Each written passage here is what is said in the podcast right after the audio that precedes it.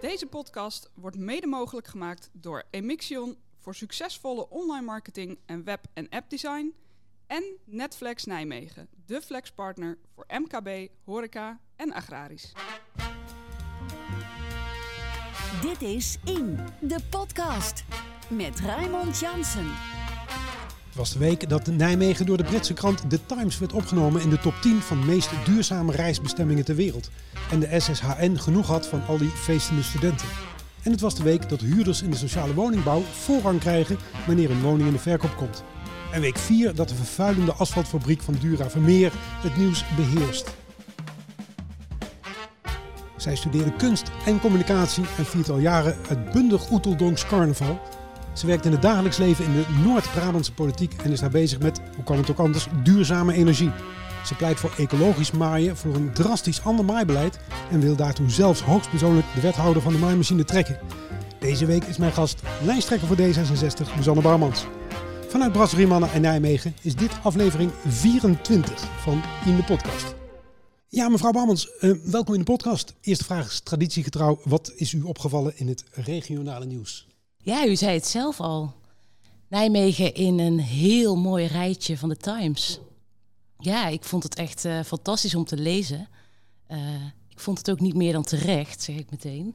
Um, maar daar word ik wel blij van. Ja. En, uh, en zo zijn er een aantal hele mooie ja, van dit soort rijtjes. de nieuwe winkel, fantastisch restaurant wat, wat tweede van de wereld is geworden op het gebied van duurzaam en, en, en, vegetarisch eten. Um, ja, dus dat zijn de rijtjes waar ik ons als stad natuurlijk wel graag in zie. Ja, uw partij heeft natuurlijk een, durende de afgelopen jaren ook wat groener karakter gekregen dan afhankelijk alleen recht een beetje bij GroenLinks leek te liggen. Um, hoe ziet u eigenlijk die verhouding onderling? Want u werkt in dagelijks leven natuurlijk ook met, uh, met duurzame energie. Um, als u kijkt naar uw eigen partij in Nijmegen en, uh, en GroenLinks, hoe, hoe, verhoudt zich dat wat dat, uh, wat dat onderwerp betreft? Um, nou ja, ik denk dat dat uh, heel goed gaat. Volgens mij um, is de urgentie wat betreft het klimaat en, uh, en energie uh, exact hetzelfde. we vinden ons, nou, in 99% van de, van de gevallen kunnen wij elkaar, denk ik, heel erg goed vinden. Um, nou ja, als ik dan toch een verschil mag, mag benoemen, denk ik dat D66 misschien soms iets realistischer is in, in de uitvoering van sommige plannen. Maar ja, uh, je kunt denk ik uh, prima stellen dat D66 op zijn minst een, een, net zo groene partij is als GroenLinks. Al hebben we het niet zo uh, hard in onze naam staan, maar ja. Is het niet ook een grote verdienst geweest van bijvoorbeeld Harriet Tiemens, die, die onlangs afscheid nam? Harriet Tiemens heeft een heel groot hart voor, voor groen en voor duurzaamheid. Um, daar heeft ze echt een aantal jaren keihard op gelopen. Uh, dus ja, zeker. Ik denk dat ze dat ontzettend goed heeft gedaan. Ze heeft Nijmegen als Green Capital goed op de kaart gezet. Um, dus zeker, veel lof voor haar. Ja. We hebben het natuurlijk ook over het scannen voor, uh, voor toegang. Hè. De QR-code is, mm -hmm. uh, is een trending topic. Hoe kijkt u naar die ontwikkeling? Het was een beetje tumultueus, ook in Nijmegen. Ja, het was tumultueus. Um, ik las gisteren ook, en daar ben ik zelf heel erg blij om, dat er wordt gekeken naar een, een, een manier om dat met bandjes te doen. Dus dat er één centraal punt komt uh, om je QR-code te laten scannen om vervolgens uh, een bandje te krijgen. Uh, en ik denk dat dat goed is, dat dat veel werkbaarder is voor, voor de horeca. maar over het algemeen ben ik ontzettend blij dat we sinds deze maatregel, sinds deze oplossing, de boel weer open kunnen gooien. Want daar had de stad nou ja, de mensen hier, uh, de mensen in Nederland en ik ook als persoon wel ontzettend veel behoefte aan. Ja, ja die behoefte denk ik, daar hoeven we niet over te discussiëren. Hoe werkbaar is het geworden? Want dat is natuurlijk allemaal niet makkelijker op geworden. Ja, weet ik niet of dat zo is. Uh, dat zal het misschien ook wel moeten uitwijzen. Toen ik hier net binnenkwam, moest ik zelf ook een QR-code laten zien.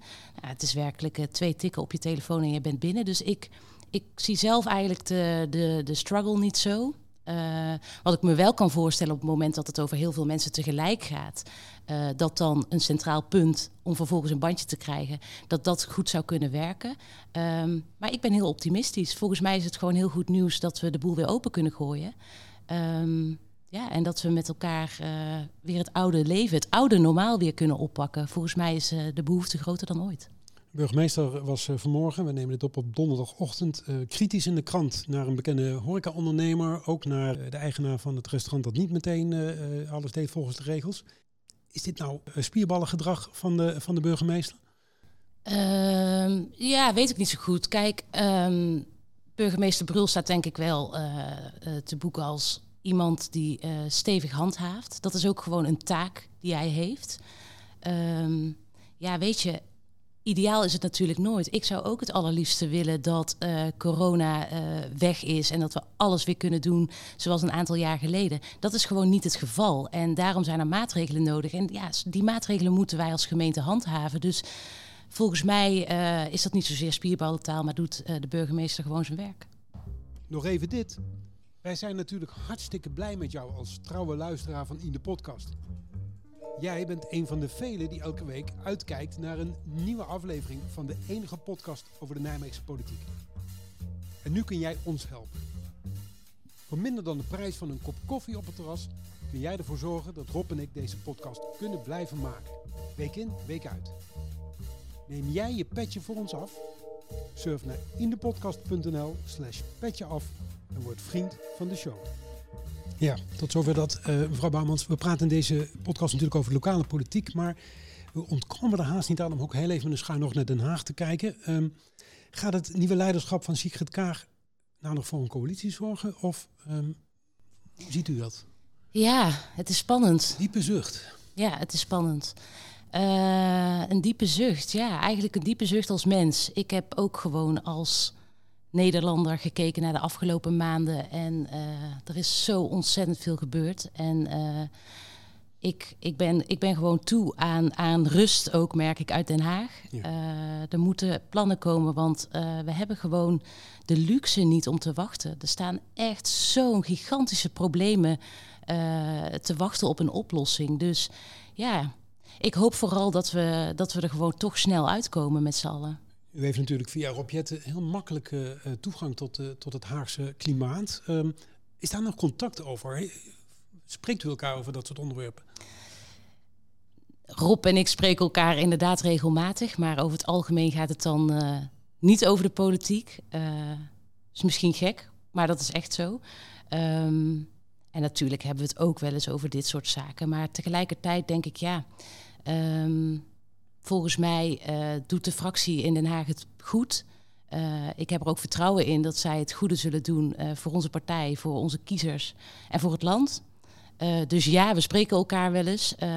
maar ik heb niet de illusie dat, dat ik als een of andere spindokter in zijn oor kan fluisteren welke kant we op moeten gaan. Nee. Ehm, dus zo werkt het helaas niet. U noemt het spindokter. Ehm, de spindokter van D66 kwam op een lelijke manier in het nieuws. Dat is lelijk, hè, als dat soort dingen gebeuren. Ja, vind ik echt lelijk. Zo ervaren als die mensen zijn, hoe kan zoiets gebeuren? Ja, goede vraag. Ik ben er niet bij geweest. Uh, en tegelijkertijd uh, ook daar weer een zucht. Uh, ik denk, uh, ja, als ik dat zo lees, ik las vanochtend iets in de tele Telegraaf en in de NRC. En daarvan denk ik ook, mensen, alsjeblieft, ga het land toch besturen en regel gewoon dat er een kabinet komt. En hou alsjeblieft op met dit soort uh, lelijke dingen. Mensen zitten hier gewoon niet op te wachten. Dat is echt mijn overtuiging. Goed, terug naar Nijmegen. We noemden hem al even. Uh, Rob Jette, u komt in een illustre rijtje. Rob Jette, uh, Tobias van Helveren. Ja, nu mag u het doen. Ja. Zin in? Zeker. Wat, wat, wat, wat, wat, wat leeft er nou in u? Wat, wat zijn de plannen? Wat is uw gevoel? Hoe kijkt u naar het aankomende pak een beet half jaar? Ja, ik heb er vooral heel veel zin in, merk ik. Um, we hebben een hoop te doen. Ook, uh, hè, we hebben het net over Den Haag gehad, daar is een hele hoop te doen. Maar ook hier in Nijmegen is een hoop te doen. Uh, en ik heb wel zin om uh, Nijmegen weer wat meer kleur op de wangen te geven. volgens mij is dat nodig.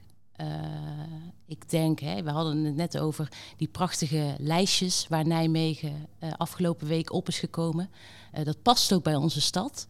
Um, ja, en ik heb zin om dat gewoon nog meer, uh, uh, ja, hoe zeg je dat? Uh, om daar nog meer aandacht aan te geven, om Nijmegen nog beter op de kaart te zetten. Um, Maak het eens concreet. Wat zijn, wat, wat zijn nou onderwerpen? Wat zijn nou portefeuilles? Wat zijn nou dossiers waarvan u zegt, nou, daar moeten we echt eens een keer volle aandacht aan schenken? Nou, ik denk dat je vooral moet kijken naar uh, waar is Nijmegen nou eigenlijk goed in. En als je kijkt, hè, we zijn een, we zijn gewoon echt een bruisende stad. Mensen komen hier graag. Of je hier nou op het terras gaat zitten of uitwaait aan, aan de Waalstranden. Um, maar ik vind wel dat we daar wat meer trots op mogen zijn. Dat we dat met z'n allen meer mogen uitdragen. Um, ja, dat betekent ook dat we, als we kijken naar het Valkhof, dat is gewoon eigenlijk uh, dat, dat is al jaren een, een rot dossier. Ik denk, kom op, weet je wel. Daar moeten we gewoon durven tonen. Daar moeten we gewoon ook uh, laten zien wat we hè, als stad hebben. De, onze historie. Laat dat nou eens zien. Doe dat nou eens op een goede manier. waardoor heel Nederland denkt, wij gaan naar Nijmegen om, om, om die mooie oude stad uh, te zien. Ja, die mooie oude stad heeft ook een acuut woningnoodprobleem. Die mooie oude stad um, um, heeft moeite om duurzame energie aan de, aan de man te brengen. Uh, dat moeten ook onderwerpen zijn die u zorgen baren. Zeker, dat zijn denk ik de grootste uh, zorgen van dit moment. ook in Den Haag de wooncrisis en de klimaatcrisis. Ja, en daar moet Den Haag ten eerste echt heel snel, wat mij betreft, uh, liever gisteren dan vandaag, over de brug komen. En als Nijmegen, als gemeente, moeten we daar zo snel mogelijk ook weer uitvoering gaan geven uh, aan, aan de plannen. Want uiteindelijk zijn wij als gemeente degene die plannen kunnen maken voor me meer en betere woningen. Wij zijn als gemeente uh, verantwoordelijk voor inderdaad bij mensen achter de voordeur ervoor zorgen dat de huizen duurzamer worden. Dus ja, als de wiede weer gaat plannen voor maken. Ja. Maar die plannen zoals ze er nu liggen, zijn nog niet voldoende. Nee, dat denk ik niet. Nijmegen uh, staat ook in een lijstje waar ik wat minder blij mee ben. Namelijk een lijstje met. Uh, uh, volgens mij staan we op drie van, van de gemeenten in Nederland met het grootste woningtekort. Um, ja, als gemeente kun je een paar dingen doen. Dat is bouwen, bouwen, bouwen. Tegelijkertijd moet er veel uh, veel veranderen in Den Haag om dat ook op een goede manier te doen en ook om ervoor te zorgen dat de woningmarkt betaalbaar blijft. Ja. Hoe kun je ehm, nou, uh, als ik mag onderbreken, uh, afhankelijk zijn van Den Haag, maar toch zelf actief zijn, initiatief kunnen nemen? Ja, dat is denk ik moeilijk. Um, kijk, wij hebben als gemeente maar beperkt mogelijkheden volgens mij weinig mogelijkheden om bijvoorbeeld die oververhitte huizenmarkt uh, echt aan te pakken. Dat gaat gewoon niet. En de prijzen hier gaan ook zes keer over de kop. Wat dat betreft is het net Amsterdam. Dus daar heb je misschien weinig invloed op. Maar wat, wat je wel kunt doen, is ervoor zorgen dat er genoeg woningen zijn. Uh, en ja, dus moeten we veel bouwen. Ja. Zo simpel is het. Dat hoor ik al sinds 2010. Ja. En nog steeds is er een woningtekort. Ja. Waarom gaat het de aankomende vier jaar wel gebeuren? Nou ja, ik denk, ik weet niet of we per se over vier jaar uh, alles hebben opgelost. Maar dit is het enige wat we als gemeente echt kunnen betekenen. En dus moeten we daar volle bak op ja. inzetten. Zo en wat heeft u dan het. de afgelopen vier jaar als gemeente kunnen betekenen? Bouwen. Maar niet genoeg. Nee, nog steeds niet genoeg. Maar hey, je ziet. En niet betaalbaar genoeg. Ja, nou ja, niet betaalbaar genoeg. Daar heb je dus weinig invloed op als uh, Ik herinner me een wethouder die in Wilmskwartier appartementen liet bouwen en er op het allerlaatste moment achter kwam dat ze eigenlijk duurder waren dan de bedoeling. Ja. Ja, zo komen we er niet. Zo komen we er zeker niet. Dus wat we moeten doen als gemeente, en dat doen we. We weten precies welke huizen er nodig zijn. Daar kun je ook maatregelen voor nemen. En die huizen moet je ook zoveel mogelijk neerzetten. En verder moet, moeten we denk ik ook wel echt uh, uh, eerlijk zijn. En moet er gewoon in Den Haag wetgeving komen. Om er ook voor te zorgen dat de woningmarkt betaalbaar blijft. Dat gewone mensen een huis kunnen kopen. Want dat is wel echt iets wat mij ook heel erg raakt gewone mensen, vrienden van mij, eh, die een gewone normale baan hebben als onderwijzeres of als uh, politieagent, die kunnen hier gewoon geen huis krijgen. Nee. Die vallen tussen wal en schip omdat ze niet kunnen huren. Uh, maar het is gewoon onbetaalbaar geworden om een normaal uh, huis in Nijmegen, in Nijmegen, te kopen. Ja, ik, ik, ik, ik, maak me daar echt grote zorgen om. Ja, nou, als we de peilingen mogen geloven, gaat uw partij enige rol van belang spelen de aankomende vier jaar? Dus nou, laten we afspreken dat we elkaar over vier jaar nog eens spreken om te kijken wat daar van terechtgekomen is. Um, iets anders, u werkt in het dagelijks leven voor de provincie Brabant. Um, uh, bezig met energie, zei ik net al. Is dat eigenlijk wel handig uh, dat een lokale politicus in het dagelijks leven ook nog bij een andere bestuurslager aan het werk is? Waarom niet? Nou, ik kan me voorstellen dat, dat, eh, dat, je, dat je dan een hele kleine wereld krijgt. Dat je dan eh, heel erg bestuurlijke omgeving, eh, misschien wel het, het, de verbinding met de, met de inwoners, met de bewoners verliest. Oh, ik zie het juist bijna tegenovergestelde. Ik denk dat, dat mijn werk voor de provincie Noord-Brabant, daarin ben ik heel veel buiten. Daarin ben ik juist heel veel echt met, met mijn bouwhelm op naar, naar projecten om, om ehm, om woningen en ehm, eh, vastgoed te verduurzamen. Um, dus ik spreek, denk ik, in die hoedanigheid ontzettend veel inwoners. En ik denk dat ik juist goed weet uh, wat de zorgen zijn en wat er speelt uh, omtrent de verduurzaming van, van onze gebouwde omgeving. Um, en dat zijn wel weer inzichten en zaken die ik mee kan nemen naar Nijmegen. Ja, deelt u de mening dat ook misschien wel de trend is dat er te weinig mensen vanuit het stadhuis de stad in gaan. Rob Jaspers uh, in deze podcast moppert daar vaak over. Ehm, we, we, moeten beter weten wat er speelt. Ja. ja, Rob die moppert natuurlijk over een hele hoop. Dat is waar. Um, ja, ik weet niet. Ik, ik voel me er niet erg door aangesproken, merk ik. Um, ik ben volgens mij heel benaderbaar. je hoeft me maar te mailen, te bellen of een bericht achter te laten op Twitter en we hebben een afspraak. Um, ik ga zelf graag uh, de wijken in, de stad in. Um, ja, en ik, ik heb toch ook wel het beeld dat veel van mijn collega-raadsleden dat ook wel doen. Dus... We hadden het al even over hem, Rob Jaspers. Terugbladeren.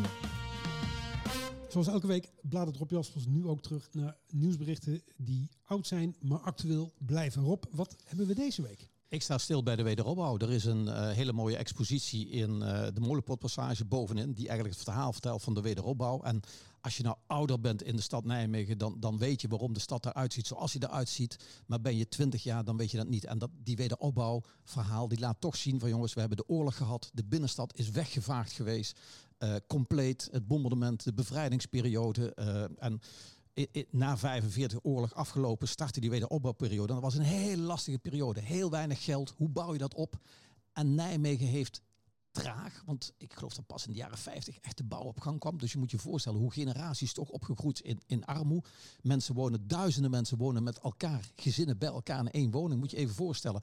Dat verhaal moet je vertellen, moet je tonen en dat moet je beleven als stadsbewoner. Ook die jonge stadsbewoner. En als je nu naar die wederopbouw kijkt, uh, ja, ik, ik heb zelf ooit uh, weinig oog gehad voor de wederopbouw. Want je, je loopt door die winkelstraten en dan, dan, dan, dan zie je uh, de, de, winkels en de etalages. Maar ik keek niet naar boven. En eind jaren 90 ben ik eens een keer naar boven gaan kijken. En toen ben ik, ik werd getipt door een aantal architecten, soeters, die de, die de, de Mariekenstraat heeft aangelegd. Ja. En ik werd verrast door de variatie. En vervolgens ga je toch nadenken, er is weinig geld na die oorlog.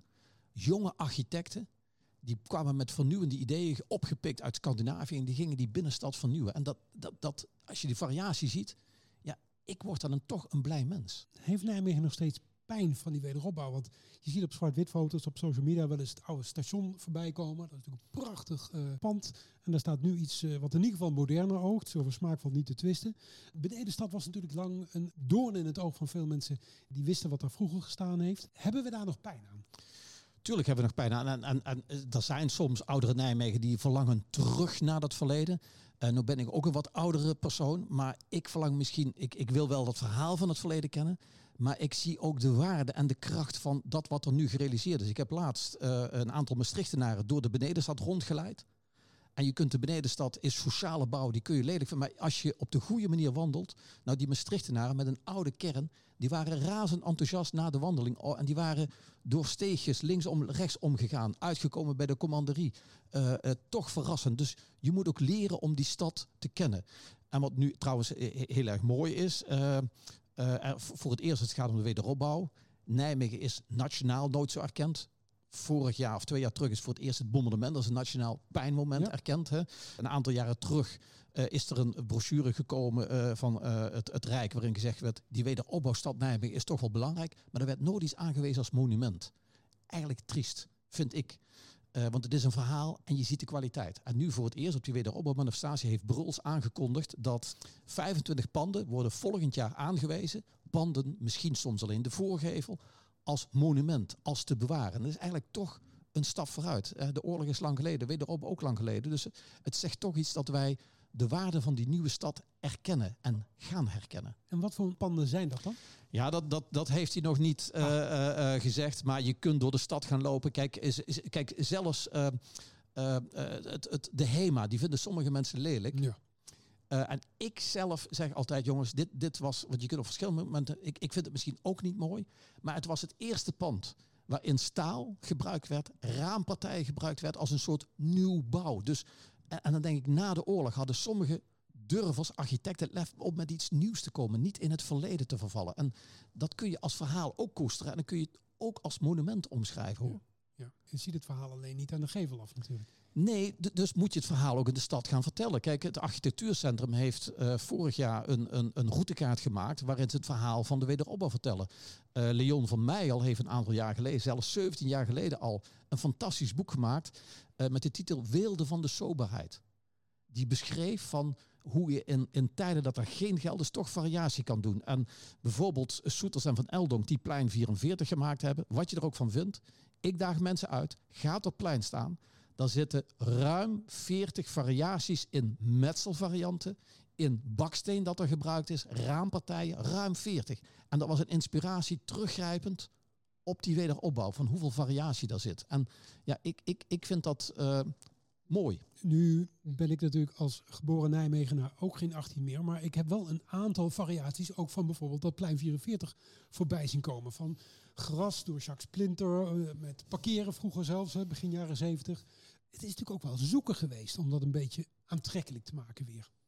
Tuurlijk was het zoeken geweest. Ik, ik heb zelfs nog een prijsvraag. Ik heb 20 architecten uitgedaagd. Denk na over plein 44 samen ja. met het architectuurcentrum. Er kwamen allerlei plannen uit. En daar kwamen er drie voorstellen. Overigens wat mensen vergeten zijn. Over dit plan van Soeters wat uitgevoerd is. is bij de gemeenteraadsverkiezingen is ook een stadspeiling gehouden. Oh. Want er zat namelijk ook nog een, een, een enorm winkelgebied erbij. Dat zelfs deels ondergrond zou gaan. En dat zou zelfs naar de scheidemakershof gaan. Okay. En dat werd terzijde geschoven. Was een, een, een, plan geïnspireerd door Portugese uh, stadsontwikkeling of winkelcentragebieden. En uiteindelijk is dat plan van Soeters en van Eldonk. Een meerderheid van de mensen die in de peiling meededen bij de verkiezingen, zeiden wij moeten dat plan van Van Eldonk hebben. Dus als je het hebt over een stadspeiling, nu uh, Furland, we hebben het dus al eerder gedaan hè, met, met een uitkomst. Toch niet zo heel lang geleden werd bekend dat daar waar nu de Molenpoortpassage zit, dat, dat er ook iets heel nieuws ontwikkeld gaat worden jij hebt die architecten uitgedaagd. Moet dat dan iets zijn wat refereert aan die oude geschiedenis? Of moet het iets zijn wat heel nieuw is en op zichzelf staat? Hoe, hoe, wat zie jij? Nou, kijk, de, de, de, wat, wat er nu gebeurt, als je kijkt naar die molenpotpassage, daar hebben ze van gezegd van god, we moeten dat afbreken en we moeten daar kleine steegjes en straatjes ja. maken. En iets wat er ook gezegd wordt, als je dat nu bouwt, moet je rekening houden met die klimaatverandering. De binnenstad is heet en warm en wordt warmer in de zomer. Dus je moet met meer groen uh, uh, creëren. Je moet uh, parkjes dan neerzeggen. Ik, ik zelf heb wel eens gepleit van, misschien moeten we het lef hebben. De, de, de, het aantal inwoners in de binnenstad groeit. Het centrum groeit ook. Misschien moeten we durven om minder terug te laten keren. En een park, echt park, dus niet parkjes van 10 bij 10, maar een echt park in die binnenstad neer te leggen. Want het aantal kamerbewoners in het centrum groeit enorm. Dit is In, de podcast. Zo is dat. Mijn gast deze week is Luzanne Bouwmans, de kerstverse lijsttrekker van D66 in Nijmegen. Mevrouw Bouwmans, ik zag um, deze week uh, oud-gedeputeerde van uw partij Michiel Scheffer zichzelf op plek 8 van de kieslijst uh, plaatsen. Mooie plek voor een kandidaat-wethouder, niet? Uh, Michiel Scheffer is geen kandidaat-wethouder, oh. voor zover ik weet. Oh. Uh, ja, hij vraag het dan nu dus. Nee, nee. Uh, tenminste, dat heeft hij mij uh, niet verteld. Dus nee, dat is, dat is niet het geval. Hij wil inderdaad de raad in. Um, ja, mooie plek. Onze lijst is bekend. ik ben er super trots op. en Michiel staat inderdaad op acht. Ja, ik, voor een oud-gedeputeerde is dat niet een lage plek? Weet ik niet. Uh, Michiel heeft gewoon een, een, hele hoop ervaring op allerlei uh, bestuurslagen. En uh, hij heeft aangegeven dat hij die ervaring wil inzetten in de fractie. Um, nou, dat is heel fijn. ja, en weet je, we hebben gewoon geen tekort aan goede mensen binnen, binnen onze club.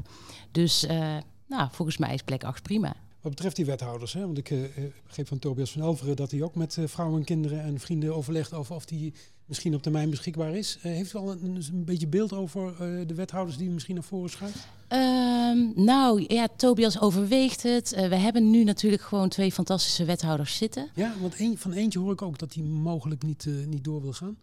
Uh, ook dat is mij niet bekend. Nou. Uh, volgens mij, nou, als je kijkt naar hoe uh, hard ze werken en hoeveel plezier ze erin hebben, zie ik dat niet.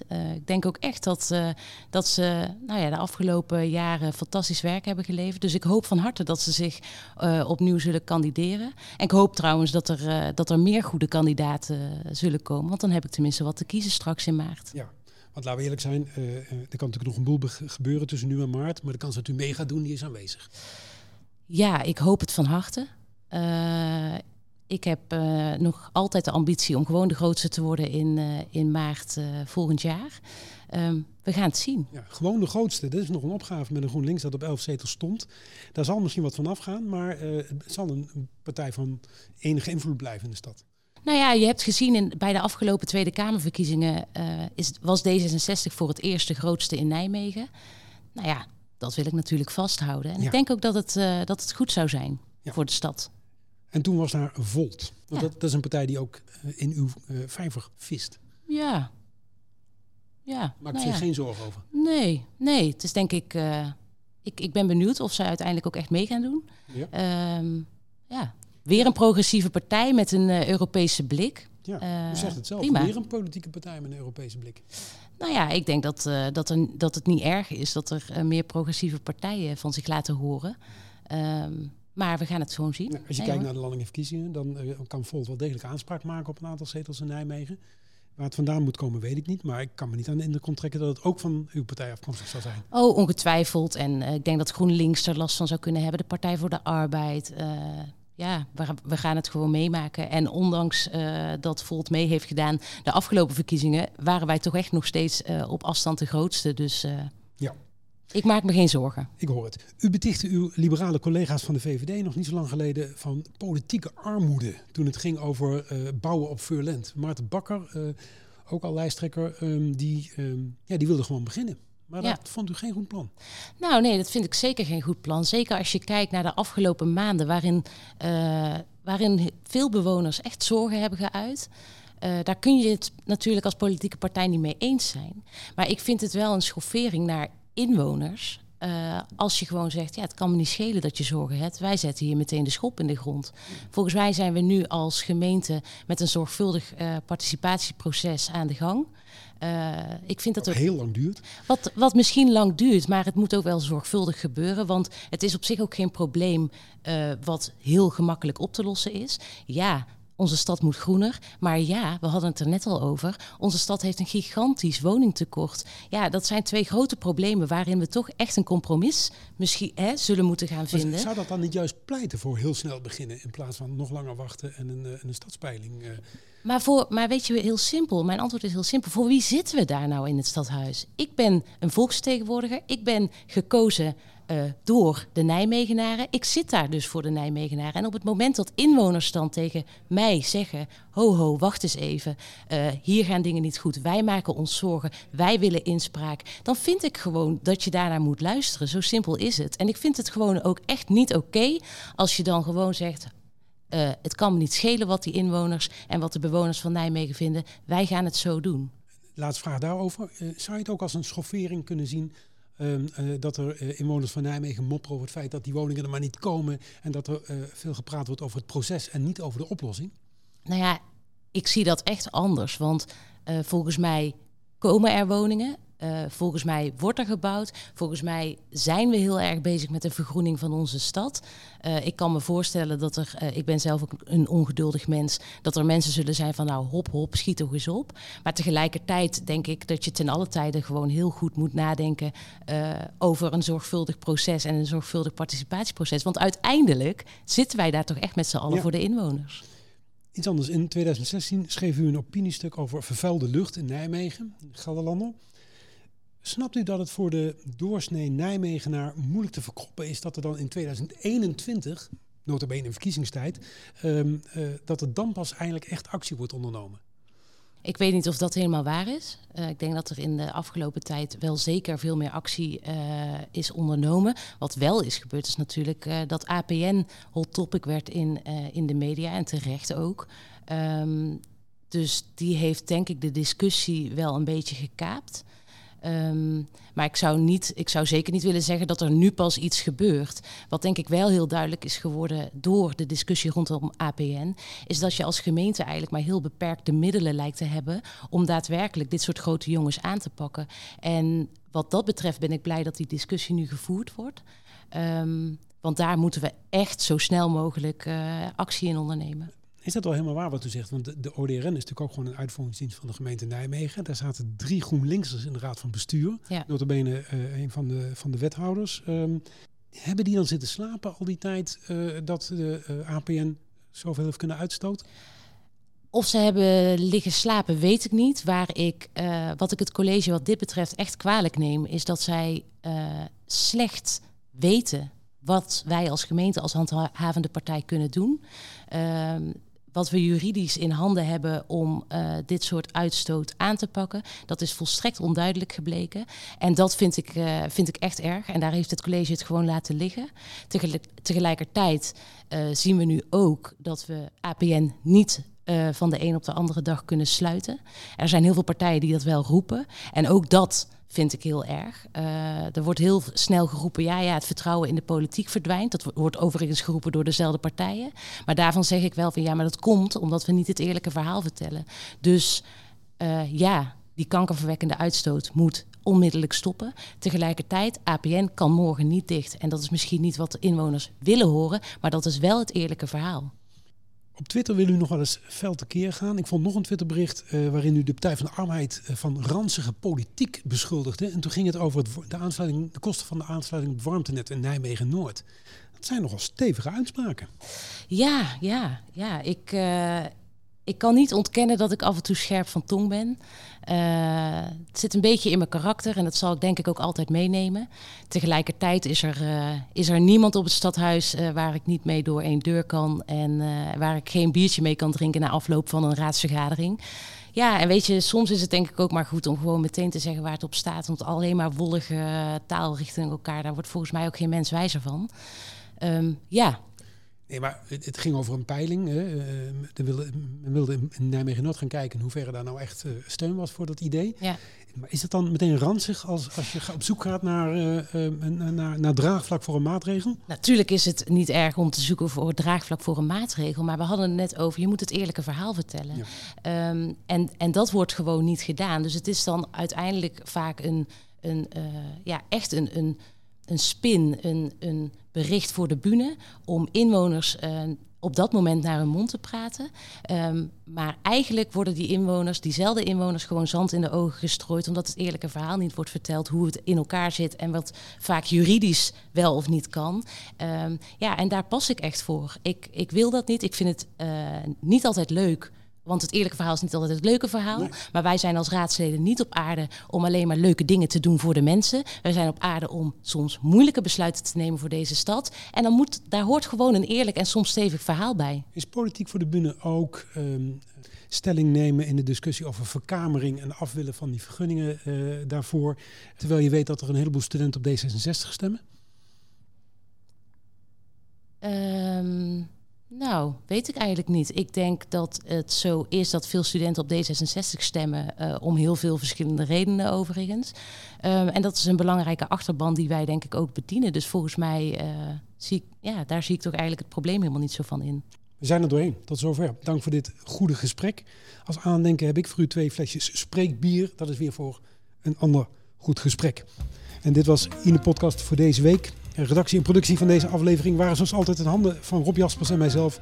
En ik ben Raymond Jansen. Wil je nou de hele week doorpraten over de onderwerpen deze podcast? Dat kan dan via de sociale media kanalen, via het in de podcast. Wil je altijd als eerste op de hoogte zijn? Schrijf je dan in voor de nieuwsbrief. Ga naar indepodcast.nl slash nieuwsbrief. Volgende week zit hier Rob Jaspers. Dit is In, de podcast.